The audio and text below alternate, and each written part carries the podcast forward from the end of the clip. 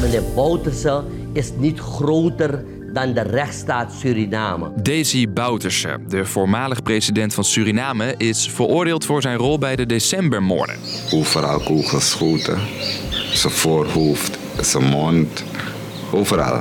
Een misdaad uit 1982 die nog altijd gevoelig ligt in Suriname.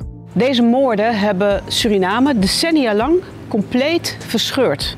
Mijn naam is Dennis en ik zoek uit waarom die uitspraak nu pas is en wat deze uitspraak voor het land betekent. Lang verhaal kort. Een podcast van NOS op 3 en 3FM. Het is 1975. De vlag van de nieuwe Republiek Suriname wordt gehesen. Na meer dan 300 jaar Nederlandse overheersing is Suriname onafhankelijk. Een groots en ontroerend moment.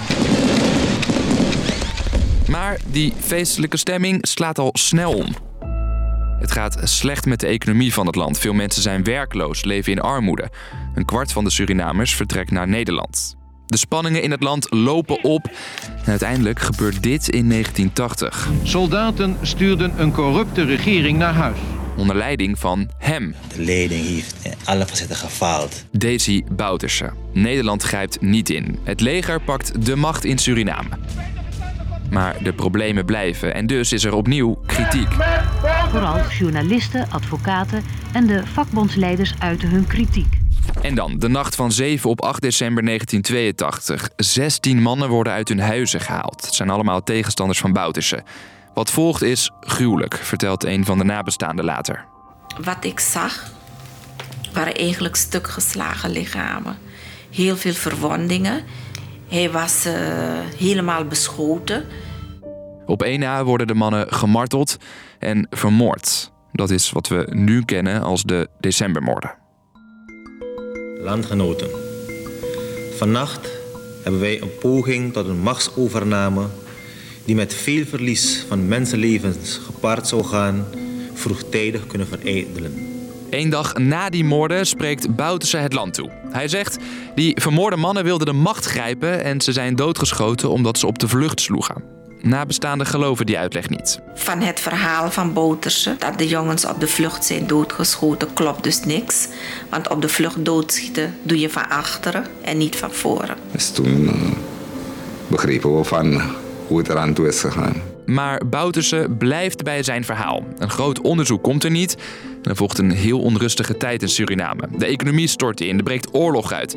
Nou ja, het is iets te veel voor deze podcast, dus kijk vooral onze explainer op YouTube als je er meer over wil weten. Dit zijn de decembermoorden uitgelegd. Wat voor nu in ieder geval belangrijk is, is dat na een lange strijd van nabestaanden in 2007 dan toch een strafproces begint. Met Bouterse als hoofdverdachte. Maar in diezelfde periode gebeurt dit. Zo waarlijk, help mij God almachtig. De politieke partij van Bouterse wint de verkiezingen. En Bouterse zelf, nog altijd heel populair onder een deel van de bevolking, krijgt opnieuw de leiding over Suriname. Wij gaan een kruistocht beginnen tegen corruptie hier in het land. Hij is nog steeds aan de macht als hij in 2019 wordt veroordeeld tot 20 jaar cel voor zijn rol bij de decembermoorden. Op die dag heeft de rechtsstaat Suriname bewezen kracht te hebben. De rechtsstaat Suriname heeft overleefd. Bouterse tekent verzet aan tegen het vonnis en wacht in vrijheid op het eindvonnis. En dat is er nu. Goedemiddag. Het Surinaamse Hof van Justitie heeft uitspraak gedaan in een zaak tegen Daisy Bouterse. Hij krijgt 20 jaar gevangenisstraf. Na 41 jaar is het proces dus eindelijk klaar. We zijn echt opgelucht dat er na 41 jaar eindelijk een eindvonnis gekomen is. Ik heb, ik heb alle verhalen moeten aanhoren over de martelingen, over de moordpartijen. Met de hoop dat ooit zeg maar, de mensen die hier verantwoordelijk voor zijn opgepakt zullen worden en veroordeeld zullen worden. En dit is het moment. Maar niet iedereen is in feeststemming. Bouterse is nog altijd geliefd onder een deel van de bevolking. Die man heeft goed voor het land gezorgd. Ik weet dat ik het heel goed heb gehad in Suriname tijdens het regime van Bouta. Hij is charismatisch, een populist en zijn aanhangers prijzen hem om zijn leiderschapskwaliteiten. En hij sponsort veel jongere evenementen op het gebied van sport en cultuur. Je hoort correspondent Nina Jurna. En over die gebeurtenissen in de jaren 80, daar praten mensen eigenlijk weinig over. Op school wordt het bijna niet onderwezen. En ook in de geschiedenisboeken staat er weinig over in. Dus veroordeeld of niet, veel mensen blijven achter Bouterse staan. En uh, wat Bouterse zelf van die uitspraak vindt, dat weten we nog niet. Hij was niet in de rechtszaal aanwezig. Eerder dit jaar heeft hij gezegd: wat er ook gebeurt, hij zal de uitspraak van de rechtbank accepteren. Hij zal het hoofd buigen. Maar hij heeft ook eerder gezegd dat wat er ook gebeurt, hij zich nooit zal laten opsluiten. Nou, het is overigens niet zeker dat Bouterse nu ook de cel ingaat. Daar moet het OM nog over beslissen.